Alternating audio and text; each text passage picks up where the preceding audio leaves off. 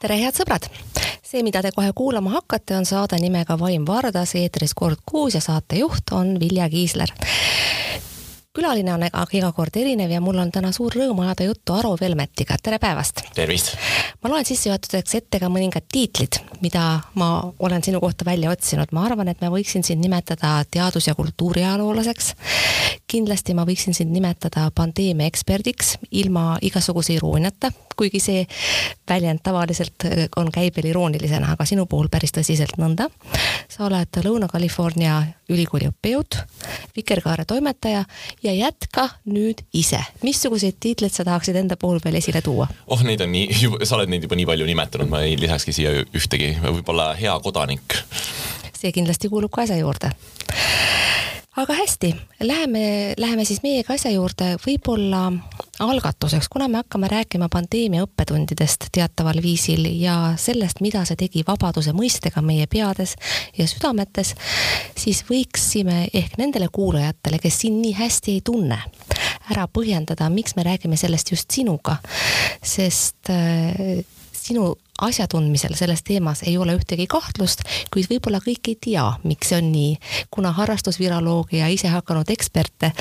on vastsel ajastul liigagi palju. ole hea, põhjenda, kust on sinu teadmised pärit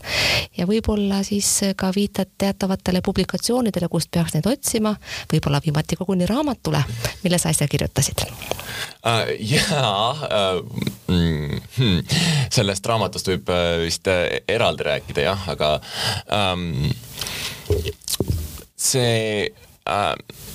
jah, võib-olla peaks alustama sealt, et, äh, et miks üldse on äh, vabadus mingi oluline teema, millest praegu rääkida ja siis jõuda selleni, et miks, äh, miks sellest rääkimine on muutunud viimasel aastal aina problemaatilisemaks. aga algatuseks seda, miks räägid sellest sina? okei okay. um,, no see on üks keskseid küsimusi meditsiiniajaloos, mis on minu äh, eriala, eks ju, sest et äh,, et meditsiin, mis tegeleb äh, noh, muuhulgas näiteks probleemidega nagu nakkushaigused, kus haigused kanduvad ühelt inimeselt teisele äh,, me äh, pidevalt seisame silmitsi selle küsimusega, et kuidas äh, minu tegevus, kuidas see, et ma äh, näiteks äh, otsustan minna poodi äh, või otsustan minna tööle äh,, võib segada teiste inimeste igapäevast elu, näiteks sellega, et ma annan talle edasi mingisuguse viiruse või muu haigustekitaja, mida ma kannan. ja kui me vaatame, kuidas on modernses ajaloos kõige rohkem piiratud inimeste vabadusi, siis kui me jätame kõrvale sõjaaja, siis ilmselt on pandeemiad ja, ja rahvatervise küsimused, need hetked, kus riigid kõige äh, julgemalt kasutavad seda vägivalla monopoli, mis neil on, et sulgeda piire, kehtestada karantiine äh,, panna paika sanitaarkordoneid ähm,, võtta inimestelt põhiõigusi ähm, ja, ja erinevalt näiteks kuritegevusest, kus inimestel võetakse mingid õigused sellepärast, et, et nad on nii-öelda rikkunud seda sotsiaalset lepingut, et nad on astunud üle nendest kokkulepitud normidest, mille puhul me ütleme, et et noh, et kui sina ei respekteeri teiste inimeste vabadusi, siis äh, meie ei pea ka sinu omasid respekteerima, siis, siis haiguste puhul need inimesed, kelle vabadusi piiratakse, reeglina ei ole ise mitte midagi teinud, millega nad oleksid nii-öelda moraalselt selle õiguste piiramise ära teeninud, et me ei ole süüdi selles, et me saame kuskilt tuberkuloosi või katku või koolera või või koroonaviiruse. või sellest, ebola. või just. ma ei nimeta ebolat sugugi juhuslikult, sest ma tahaksin võib-olla paari sõnaga, et sa äkki teeksid juttu ka sellest äh, kogemusest, mis sul oli kahe tuhande neljateistkümnendal aastal, kui sa viiruste levikut ja pandeemiat levimist uurisid ja sa olid üsna lähedal sellele koldele, kust see lahti läks. oleksid sa nõus meenutama, kui palju sa tol korral ise kartsid ja kui suur oli tõenäosus, et see sinuni jõuab ja üldse seda situatsiooni tookord? ma ei kartnud seda äh, sel hetkel üldse, mis on minu meelest päris kõnekas äh, fakt juba iseenesest, ma olin äh, kaks tuhat neliteist, kaks tuhat viisteist välitöödel või arhiivides äh, Senegalis, äh, mis, kus Senegalis endas ühtegi ebola juhtu ei olnud. aga Senegaliga piirnevates riikides, Guineas Sierra Leones olid väga suured ebola kolded. ja kui ma saabusin Senegali, siis seal lennujaamas olid väga põhjalikud teadaanded, kõik sellised asjad, mis aastal kaks tuhat kakskümmend üks on meile väga isiklikult tuttavad. oli öeldud, et kui sa saabud Sierra Leonest, siis sa pead olema nii ja nii kaua karantiinis, sa pead deklareerima ennast ametivõimudele, ütlema, andma neile oma kontaktandmed, nad võivad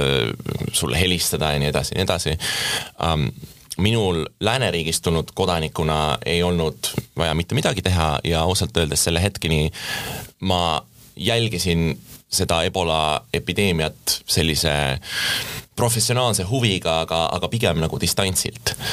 ja see ei tundunudki kellelegi eriti reaalne selle hetkeni, kui äh, üks ebola juhtum avastati New Yorgis, mille peale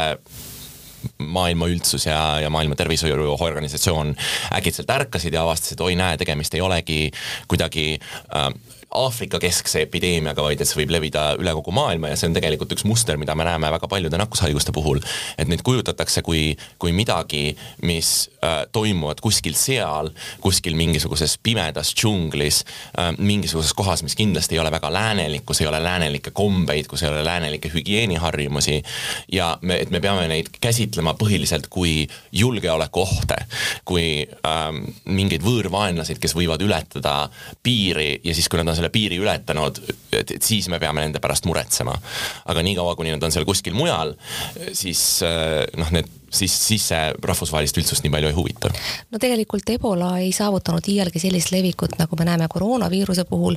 kuigi kui me nüüd meenutame koroonaviiruse esimesi hetki näiteks siinsamas Eestis, siis loodeti ju ka siin ja kindlasti paljudes teistes Euroopa liik-, riikides, et läheb nagu SARS-i ja MERS-iga või läheb nagu Ebolaga, mis on siis, äh, ei saavutanud säärast levikut. kuid me ei hakka võib-olla rääkima sellest, mis paremini nakkab ja mis äh, nakkab halvemini, vaid tahaksime rääkida vabaduse mõistest ja mida selle, mis, mis on see pandeemia meiega teinud. kuid veel enne äh, tahaksin ma võib-olla anda sulle võimaluse lükata ümber üks eksiarvamus, mida sa oled oma kirjutistes korduvalt ka teinud, kuid mis hoolimata sinu ja paljude teiste teadlaste pingutustest ikka käibib. Äh, see on nimelt tõsiasi või, või nimelt eelarvamus, et tegemist on millegi säärasega, mis oli täitsa ootamatu. räägitakse mustast luigest, räägitakse kogemusest, mida meil ei ole kunagi olnud, et seda oli võimatu ennustada. kas sa oleksid nõus kommenteerima seda eksiarvamust, nagu ma olen sinu kirjutistest välja lugenud? jaa, see tegelikult seostub sinu selle eelmise mõttega, et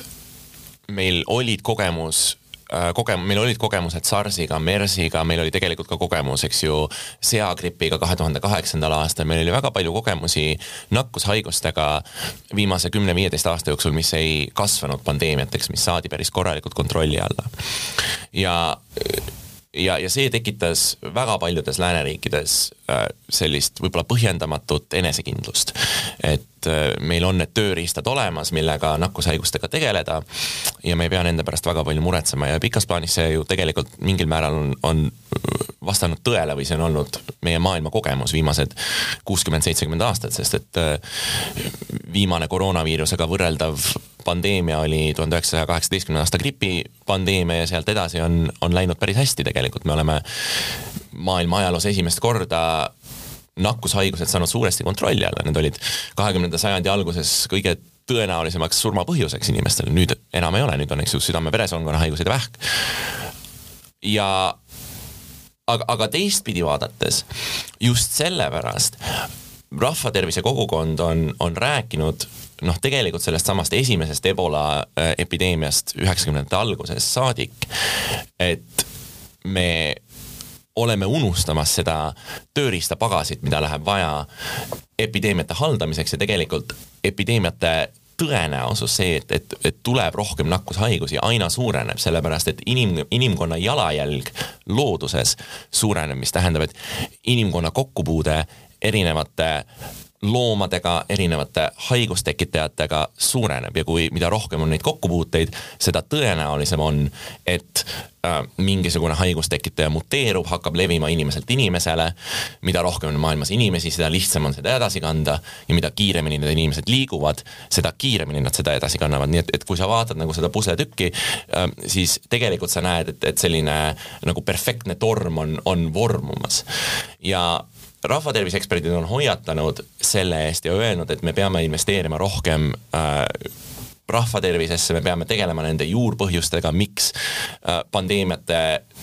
esinemise tõenäosus suureneb vähemalt nullindatest või üheksakümnendate lõpust saadik ja mingil määral on sellega tegeletud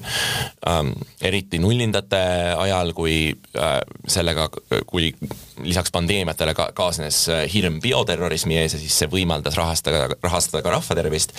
aga nüüd viimase kümne-kaheteist aasta jooksul on seda rahastust maailma tasemel jällegi üksjagu palju vähendatud ähm, nii et jah, et terve hulk inimesi äh, ütlesid siis, kui koroonaviiruse pandeemia äh, algas, et, et noh, et we saw that coming, me nägime, et see oli teel. ja no praegu me tahaksime juba unustada, et seda koroonaviiruse epideemiat ja loota, et see on selleks korraks läbi. ja tegelikult isegi mitte lausa ainult selleks korraks, vaid ehk päriselt. me sinuga enam ei kanna maske, sest me oleme süsti saanud. me võime istuda teineteisele, teineteisest meetri kaugusel, eks ole, mis oli veel mõnda aega tagasi mõeldamatu ja, ja muud säärast kuid äh, see kogemus, mille me oleme pandeemias saanud, on vähemasti meie eluajal siiski unikaalne. ja ma olen vahel mõelnud selle peale, et mida see inimestega teeb. kui see koroonaepideemia puhkes, siis ma kujutasin ette, et inimesed peaksid kuidagi tulema üksteisele lähemale vaimses, mentaalses mõttes, kuna nad mõistavad, et see mida nad teevad, kuidas nad käituvad, mõjutab tervet inimkonda. ja see võiks ju tekitada vähemasti teoreetiliselt teatavat ühtsuse tunnet. kuid kui ma praegu äh, sellesama küsimuse püstituse peale mõtlen, siis pigem tuleb mul tunnistada, et inimesed ei, ei ole saanud üksteisega nii-öelda lähedasemaks, ühtsemaks, vaid pigem on toimunud mingisugune kapseldumine iseendasse ja võib-olla ka eemaldumine teistest inimestest. oled sa minuga nõus või näed sa, et pandeemia oleks andnud meile need õppetunnid, mida ta oleks võinud anda? Ma arvan, et see on võib-olla natuke laia pintsliga maalimine, et me näeme, me võime näha nii, nii ühte kui ka teist, aga, aga sellise sotsioloogilise mõtteviisiga inimesena äh, mulle tundub, et et inimesed ei reageeri äh, sündmustele mitte lähtuvalt mingisugusest inimloomusest või oma nagu ähm, iseloomu eripäradest, vaid nad reageerivad sageli lähtudes nendest institutsioonidest ja nendest kultuurilistest normidest, mis nende ümber on. ja nüüd, kui tulla tagasi selle, selle vabaduse küsimuse juurde, siis äh, üks nendest kultuurilistest normidest, mis Eestis kindlasti viimased kolmkümmend aastat on hästi palju domineerinud, tege-, tegelikult läänemaailmas ka, eks ju, on selline klassikaliselt liberaalne arusaam vabadusest, et, äh, et riik või, või ühiskond ei, ei kirjuta inimestele ette mingeid, mingit moraali, mingi, nad ei ütle seda, milline on õige elu, vaid ta laseb inimestel tegutseda ise vastavalt oma heaksnägemisele nii kaua, kuni see ei kahjusta kellegi teise inimese võimalust samamoodi käituda vastavalt oma äh,, oma enese südametunnistusele. ja enamikes olukordades ähm, ütleme, teatud ühiskondlikes tingimustes, kus inimestel on enam-vähem sama, samavõrdne hulk infot maailmas toimuva kohta ähm,, kus inimeste omavahelised suhted on, on sageli majandusliku iseloomuga, äh, töötab see põhimõte päris hästi. aga see muutub aina keerulisemaks, mida keerulisem, keerulisemaks muutub selle nägemine, kuidas meie teguviisid mõjutavad teiste inimeste elu. ja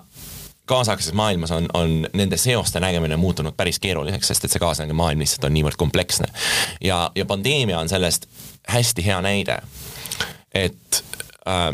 selleks, et mõista, kuidas see, et minu tegevus pandeemia tingimustes mõjutab kellegi teise elu, sul on vaja mingisuguseid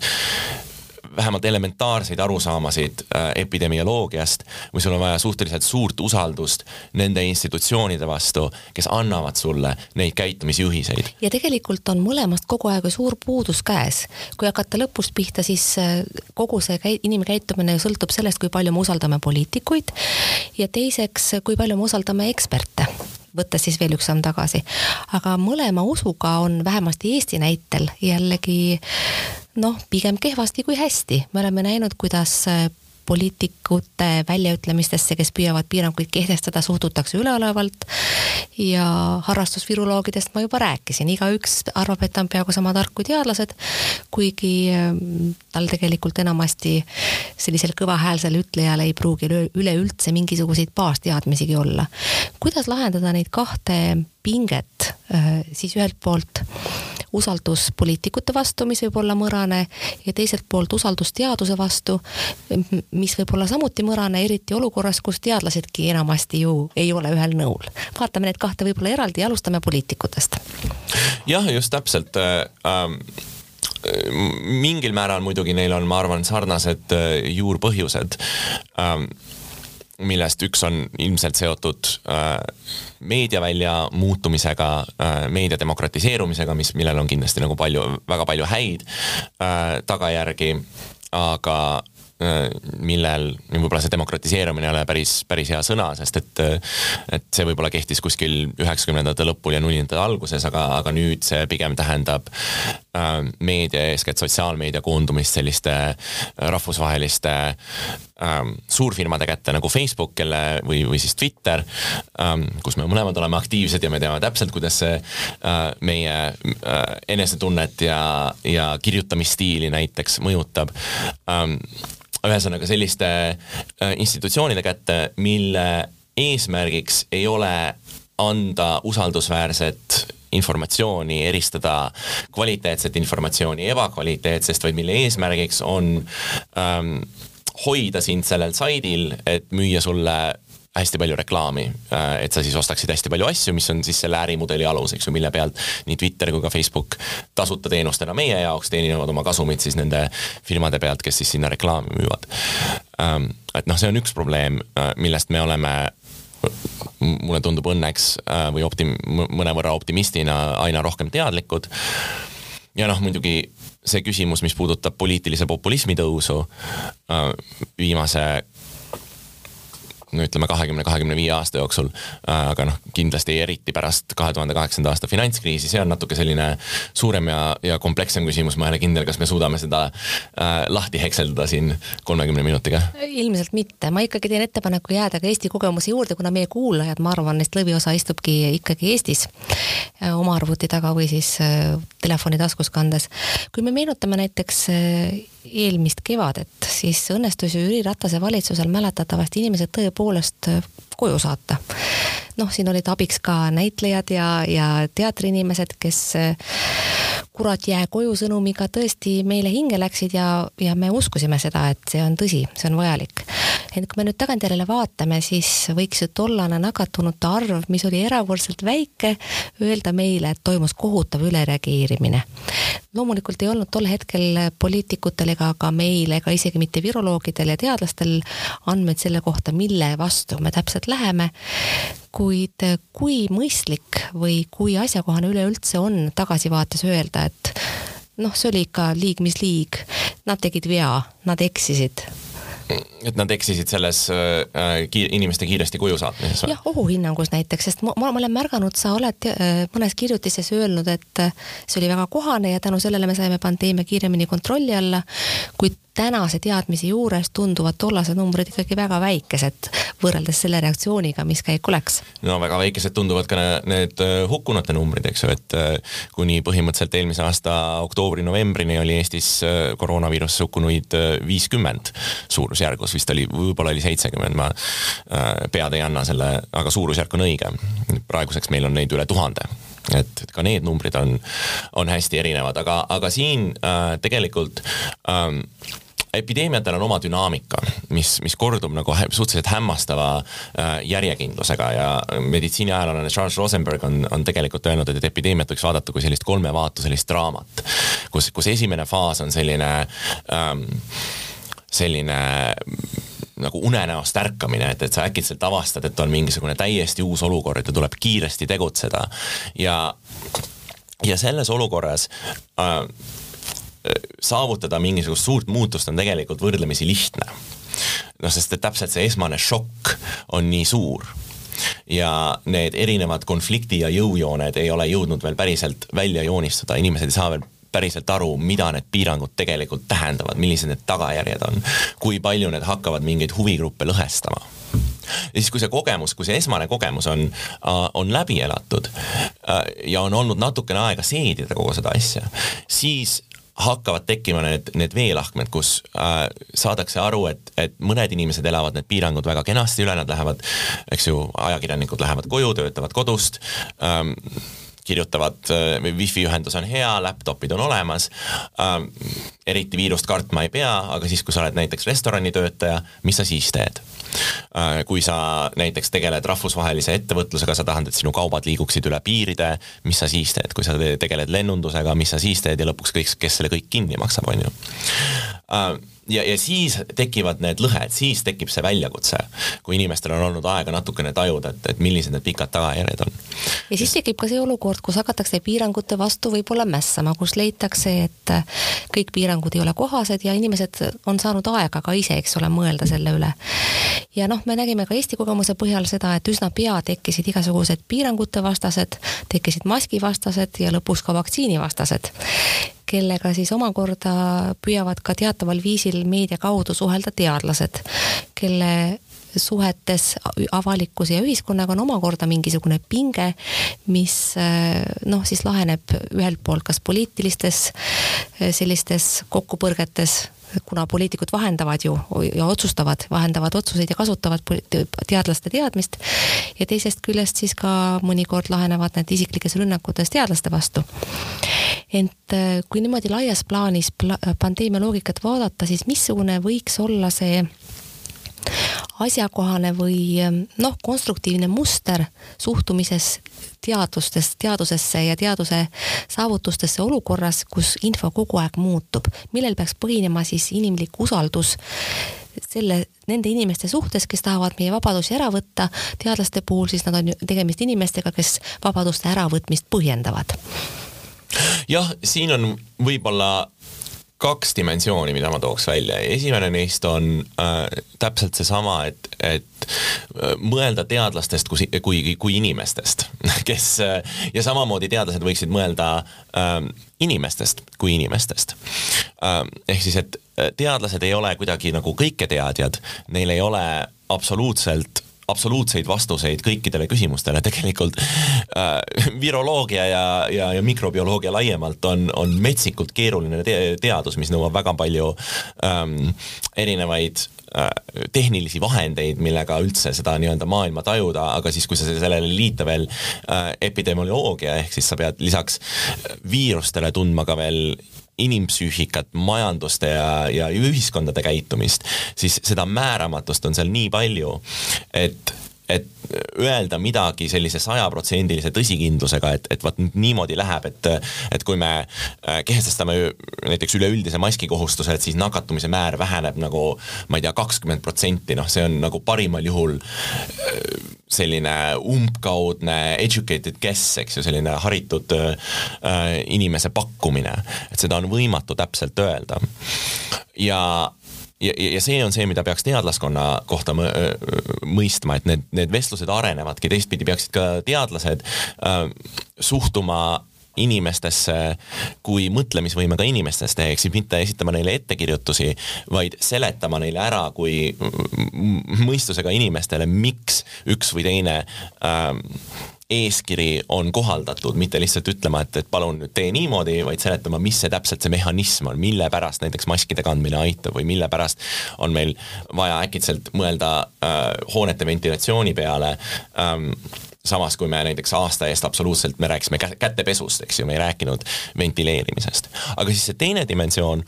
on see, et, et äh, teadlastel on äh, teadlastel ei ole mingisugust ähm, metafüüsilist autoriteeti või nad ei, nad ei suuda üksinda midagi korda saata ähm,.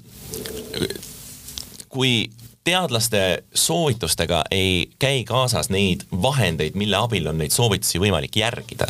siis ei maksa ka imestada, kui inimesed seda ei tee. sellepärast, et, et kui sulle öeldakse, et, et jää koju, ära väljas käi, aga su töökoht on neljakümne kilomeetri kaugusel ja sa saad sinna ainult bussiga ja seda ei ole võimalik teostada kaugtööna, no mida sa siis teed? ja loomulikult inimesed üritavad enda jaoks põhjendada, miks nad käituvad vastupidiselt nendele eeskirjutustele, mida me Aktuaalsest Kaamerast õhtul kuuleme. Ja, ja mõni, mõni ime siis, et, et me, et me näeme nii palju skeptitsismi, kui me ei ole andnud inimestele vahendeid, et päriselt neid eeskirju järgida niimoodi, et, et see nende endi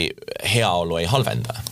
ma teen sulle ettepaneku teadlasena esineda praegu nende inimestele, nendele inimestele suunatult, kes nõuavad vaktsineerituna eriõigusi. teatavasti me oleme ju veel olukorras, kus päris kõik, kes süsti tahavad, ei ole seda veel saanud ja, ja nad siis peavad ootama oma korda. küll aga tahaksid näiteks läbipõdenud ja vaktsineeritud juba saada suurematele pidudele, eh, saada reisida palju muretumalt ja siis nad pahandavad tihtilugu sotsiaalmeedias, et miks riik või riigid neile seda ei võimata, kui nad on ometigi täiesti ohutud. kuna ma olen märganud, et äh, sina neid eriõigusi neile ei annaks, ma tean neid põhjendusi ka, miks sa ei annaks, aga kuna see mõistmatus on niivõrd suur, siis palun, praegu saad sa esineda nendele inimestele, kes tahavad kõiki, kõike ja kohe, sest nad on vaktsineeritud või läbi põdenud selle selle tõve. No äh, ma pean ütlema, et ma tegelikult arvan, et, et need inimesed võiksid ennast natukene vabamalt tunda küll praeguseks. Sest et, äh, et ütleme siis, kui ma kirjutasin sellest, et on vara veel, vara veel, see, see oli noh, üle kuu aja tagasi ja kuu ajaga jõuab Eestis üksjagu palju muutuda. piirangud on tõesti pal paljugi lõdvenenud. ja meil on ka palju rohkem vaktsineeritud, meil on Just. pool miljonit äh, inimest on esimese süstiga vaktsineeritud. ja maski ju enam ei pea kandma, see on lihtsalt soovituslik, kuid näiteks reisimise võimalused ei ole veel nii head, kui nad võiksid olla ja suurüritusi ei ole ka veel võimalik korraldada sellises mahus, nagu kannatamatud inimesed ootaksid. vaat neile võiksid sa suunata oma kõne, et miks käib see nii aeglaselt, miks nad ei saanud oma eriõigusi kätte juba kuu aega tagasi ja kõik need muud pahameele põhjused mm. -hmm Äh, no eks meie teadmised nendest vaktsiinidest on ka äh, muutunud, et ütleme näiteks üks põhjendus äh,, mis veel kuu aja eest tundus vägagi oluline, mis on see, et, et me ei teadnud, kas vaktsineeritud inimesed saavad äh, koroonaviirust ka edasi kanda, ehk siis seesama küsimus, et kas, kas ma oma käitumisega kuidagi ohustan teist, see tundub nüüd olevat mõnevõrra lahenenud nii-öelda nende õiguste nõudjate äh, kasuks, et, et tuleb välja, et, et tegelikult äh, need vaktsiinid, mis meil on, väga hästi blokeerivad ka mitte lihtsalt äh, haigestumist, vaid ka viiruse edasikandmist. aga sellest hoolimata loomulikult nagu ükski vaktsiin ei ole sajaprotsendine, et neid läbimurdejuhte on olemas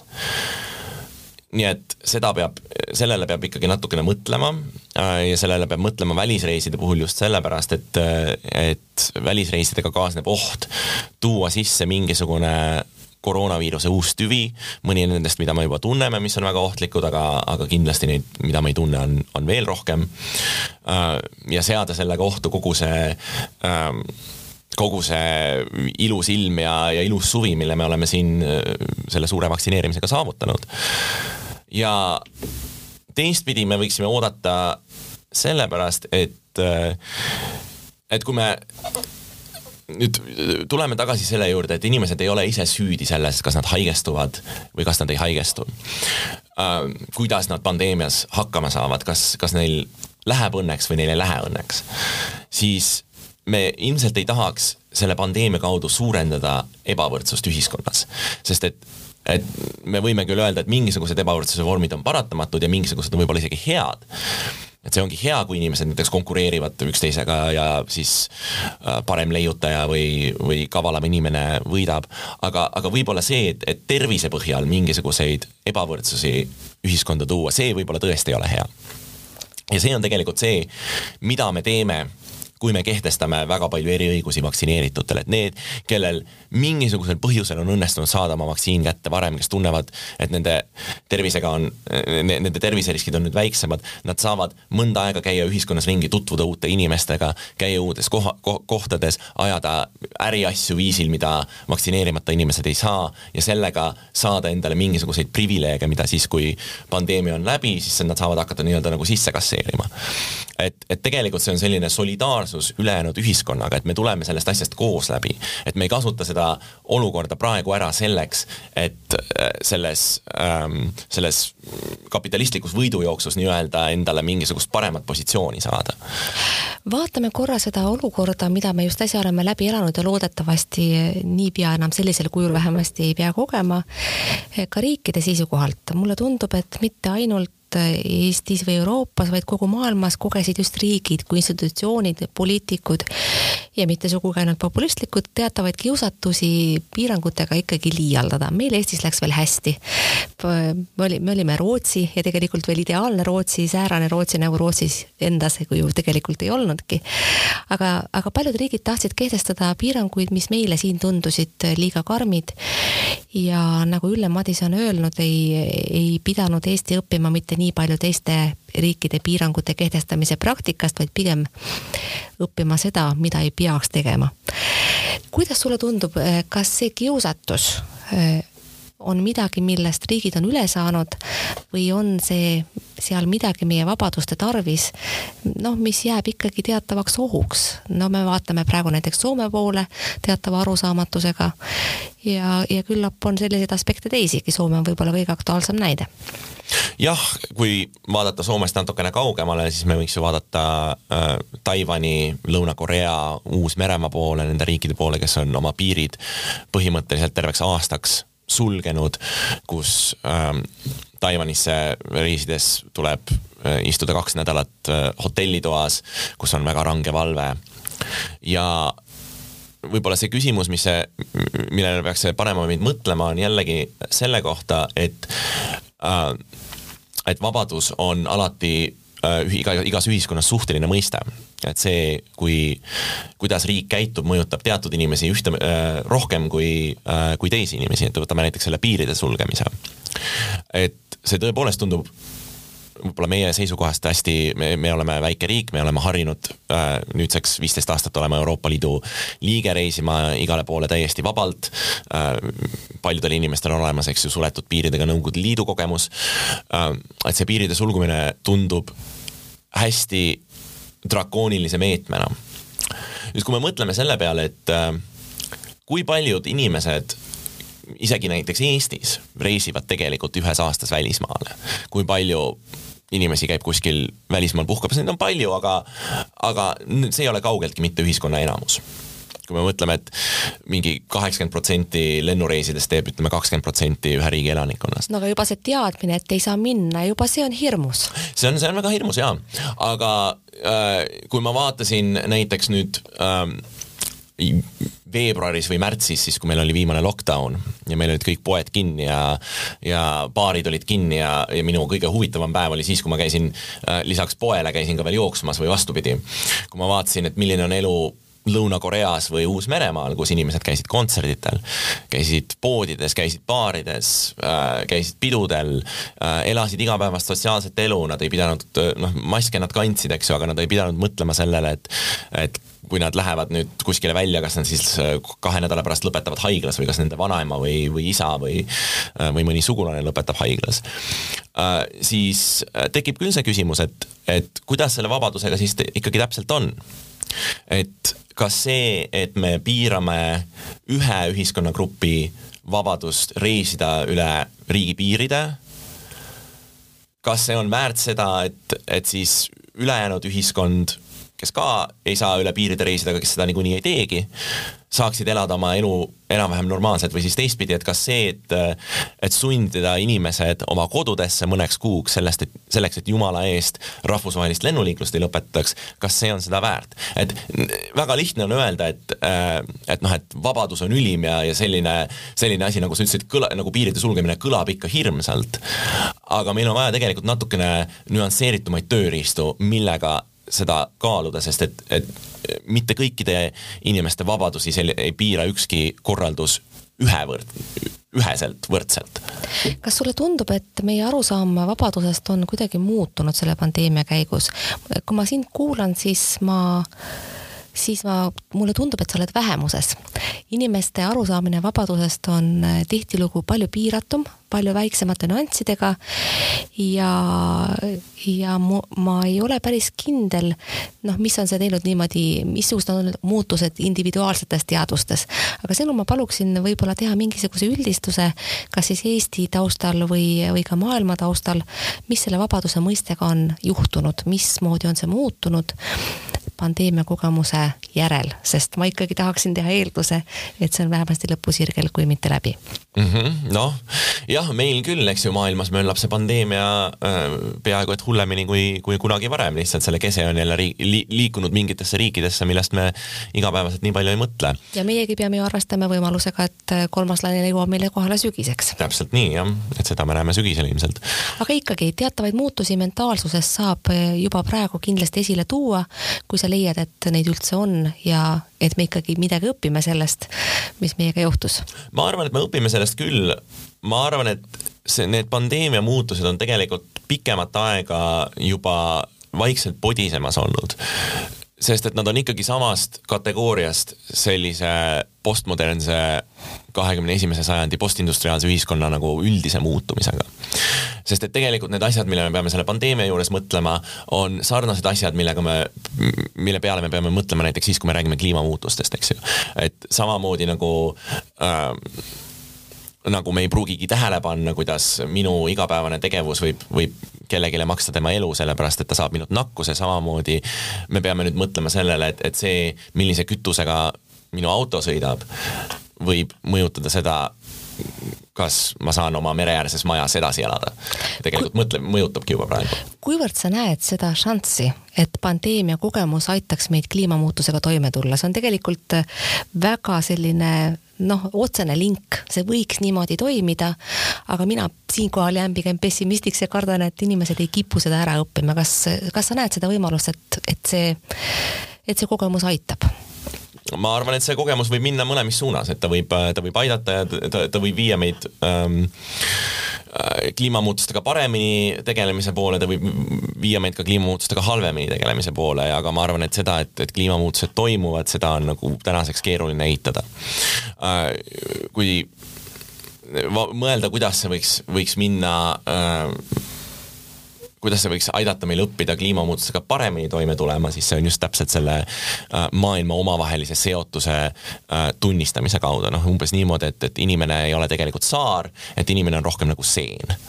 et need niidid, niidid jooksevad maal väga sügavale ja on, on seotud asjadega, mida me võib-olla esmapilgul ei näe. ja ütleme institutsionaalsel tasandil jällegi mu minul ajaloolasena ma kipun vaatlema ideid ja, ja institutsioone seotuna. Äh, meil on päris palju institutsioone, mis, mis sellist mõtteviisi nii-öelda toestavad. Äh, mida on õnneks viimase kolmekümne aasta jooksul päris palju loodud ja need on jõudnud lõpuks sinnamaani, et isegi äh, sellised organisatsioonid nagu, nagu Maailmapank, nagu Rahvusvaheline Energiaagentuur tunnistavad seda koostöövajadust ja seda süsteemse muutuse vajadust Äh, teistpidi vaadeldes äh, ja, ja see on minu meelest päris reaalne oht. Ja nüüd me tuleme tagasi sinu äh, eelmise küsimuse juurde piiride sulgemisest, on, et, et teine viis suhestuda kliimamuutustega on äh, kuidagi selle kaudu, mida võiks äh, või ainult natukene utreerides nimetada ökofašismiks. Ehk siis see arusaam, et jah, kliimamuutused on reaalsed, jah, pandeemiad on reaalsed ja kõige parem, mida me saame teha, on jõuda sellesse päästepaati esimesena ja siis lükata kõik ülejäänud üle parda. ja seda mõtteviisi on tegelikult ka päris palju ja, ja mingil määral see ähm, noh, kasvõi näiteks seesama vaktsiininatsionalism, mis on tegelikult iseloomustanud päris palju seda sellist esimest reageerimist sellele pandeemiale, kus äh, globaalse põhjariigid, eriti Ameerika Ühendriigid, vähemal, vähemal määral ka Euroopa Liit, kuigi Euroopa Liit on tegelikult eksportinud päris palju vaktsiine, võtsid vastu otsuse, et, et me alustame omaenda populatsioonide vaktsineerimisest ja ülejäänud jumal nendega, kui me kunagi nendeni jõuame, siis on hästi. mõtlemata sellele, et noh, jättes kõrvale nagu põhimõttelise inimlikkuse äh,, mõtlemata ka sellele, et, et kui pandeemia möllab Indias, siis seal on palju lihtsam tekkida mingitel uutel viirustüvedel, mis võivad olla palju nakatavamad või, või minna vaktsiinidest läbi, et et ka see mõtlemine on loomulikult pandeemia ajal päris palju ähm, hagu alla saanud tõepoolest, see on nii. mulle meeldib väga see sinu kujund, inimene on rohkem seen, ta pole saar. minu meelest sellega me võiksime veel saate täitsa lõpetada, kui sa just ei taha enne seda kujundit veel kuidagi laiendada, et ta kuulajatele paremini meelde jääks. Um no ega tegelikult see, et, et inimene on nagu saar, on olnud ju suuresti kogu tööstusliku modernsuse perioodi viis mõelda maailmast, see on natukene see, mis on rahvusriikide aluseks, et oluline on riigisisene suveräänsus, et, et, et see riik oleks jagamatu, et me saaksime, eks ju, teha omaenda otsuseid, see on natukene seesama mõtteviis, mida äh, mõned meie parlamendierakonnad äh, väga armastavad, tänu millele nad tahavad astuda Euroopa Liidust välja, sellepärast et see on lubamatu suveräänsuse jagamine. See on ka alus sellisele kauboi kapitalistlikule mõtteviisile, kus ähm, seadused ei ole mitte selleks, et, et luua mingisugust võrdset mänguvälja inimestele, vaid, vaid selleks, et, et võimaldada sinu üksikindiviidina õilmitsemist. ja kui sa saad seda teha niimoodi, et, et sa teed seda teiste inimeste kulult ja, ja, ja see on nii-öelda juriidiliselt korrektne, siis see on okei okay. um,. et see on Äh, ja siis, ja siis teistpidi jällegi, äh, kui mõelda sellest, et kuidas siis inimene võiks olla, olla nagu seen, kus me äh, võib-olla see ähm, seene pea näeb küll välja, nagu ta on mingisugune üksik ja, ja eraldiseisev objekt. aga tegelikult see ei ole üldse see kõige olulisem ja, ja see seenepea üksinda ei jää elama, vaid ta vajab seda seeneniidistikku, mis, mis läheb maa alla, mis on seotud Äh, mis, mis võib-olla jookseb kilomeetreid ja kilomeetreid ja, ja ühelt poolt ammutab äh, toitaineid ja, ja, ja muud taolist ümbritsevast keskkonnast ja, ja samamoodi annab, annab sinna toitaineid tagasi ja aitab tänu sellele teistel organismidel elada ähm,. et et see on see mõtteviis, äh, mis, mis siis sobiks äh, noh, mitte lihtsalt kliimamuutuste aega, sest et see on lihtsalt võimendunud versioon sellest maailmast, kus me oleme kogu aeg elanud ja meil on lihtsalt natukene suuremad seened, me võib-olla võtame natukene rohkem ja sealt ümbritsevast keskkonnast peaksime natuke rohkem tagasi andma. Um, aga see, et kui me kujutame ette, et me oleme see seenepea ja et neid seeneniidistikke ei ole olemas, ega need seeneniidistikud sellepärast ära ei kao. ja, ja võib-olla me ei taha nagu avastada seda siis, kui meid nii-öelda jala pealt maha lõigatakse. see on suurepärane kujund, Aro, ma olen sulle väga tänulik. head sõbrad, saade, mida te kuulasite, oli Vaim Vardas, saatejuht oli Vilja Kiisler ja saatekülaline oli kultuuri- ja teadusajaloolane Aro Velmet. aitäh, et kuulasite, järgmine saade on kuu aja pärast elage vahepeal hästi, olge terved, kuulmiseni, nägemiseni.